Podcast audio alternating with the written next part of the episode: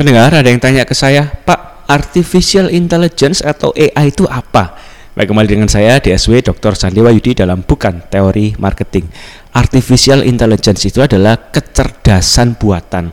Jadi simulasi ya, simulasi kecerdasan manusia yang sesungguhnya tapi diproses bukan oleh otak kepala manusia melainkan diproses oleh mesin, khususnya sistem komputer. Nah, pertama 1940-an ini dibikin oleh Alan Turing, ada Turing mesin di mana si Alan Turing ini bisa memecahkan kode-kode perang Jerman tatkala Jerman ingin menginvasi Inggris dan Perancis dan seterusnya, maka bisa dicegah oleh mesin ini karena kode-kode kode Jerman bisa terpecahkan dengan mesin yang dibikin pada waktu itu. Mesinnya besar banget ya, hanya memecahkan kode-kode kecil yang mungkin saat ini bisa dikerjakan secara cepat di handphone kita masing-masing.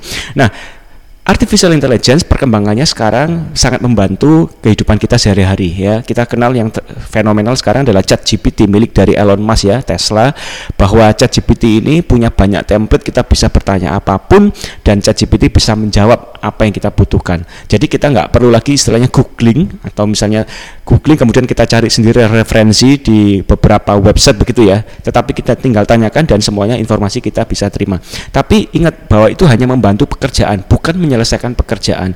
Dan data yang diberikan informasi yang diberikan pun itu tidak real time karena si mesin harus belajar dari kejadian kejadian yang sudah pernah terjadi. Sedangkan kalau kejadian per hari ini belum terrecord oleh big data maka otomatis mesin itu tidak bisa memberikan informasi yang update buat kita. Nah, kita juga kenal ada iPhone ya, punya Siri, Amazon punya AI-nya adalah Alexa dan seterusnya Google punya OK Google. Banyak AI-AI yang bisa kita pakai terapkan untuk masing-masing profesi kita. Semoga menjawab, jangan sampai salah gunakan AI karena ingat sekali lagi hanya membantu pekerjaan, bukan menyelesaikan pekerjaan. Yang menyelesaikan haruslah kita sebagai manusia yang punya kompas moral yang baik. Demikian, semoga menjawab.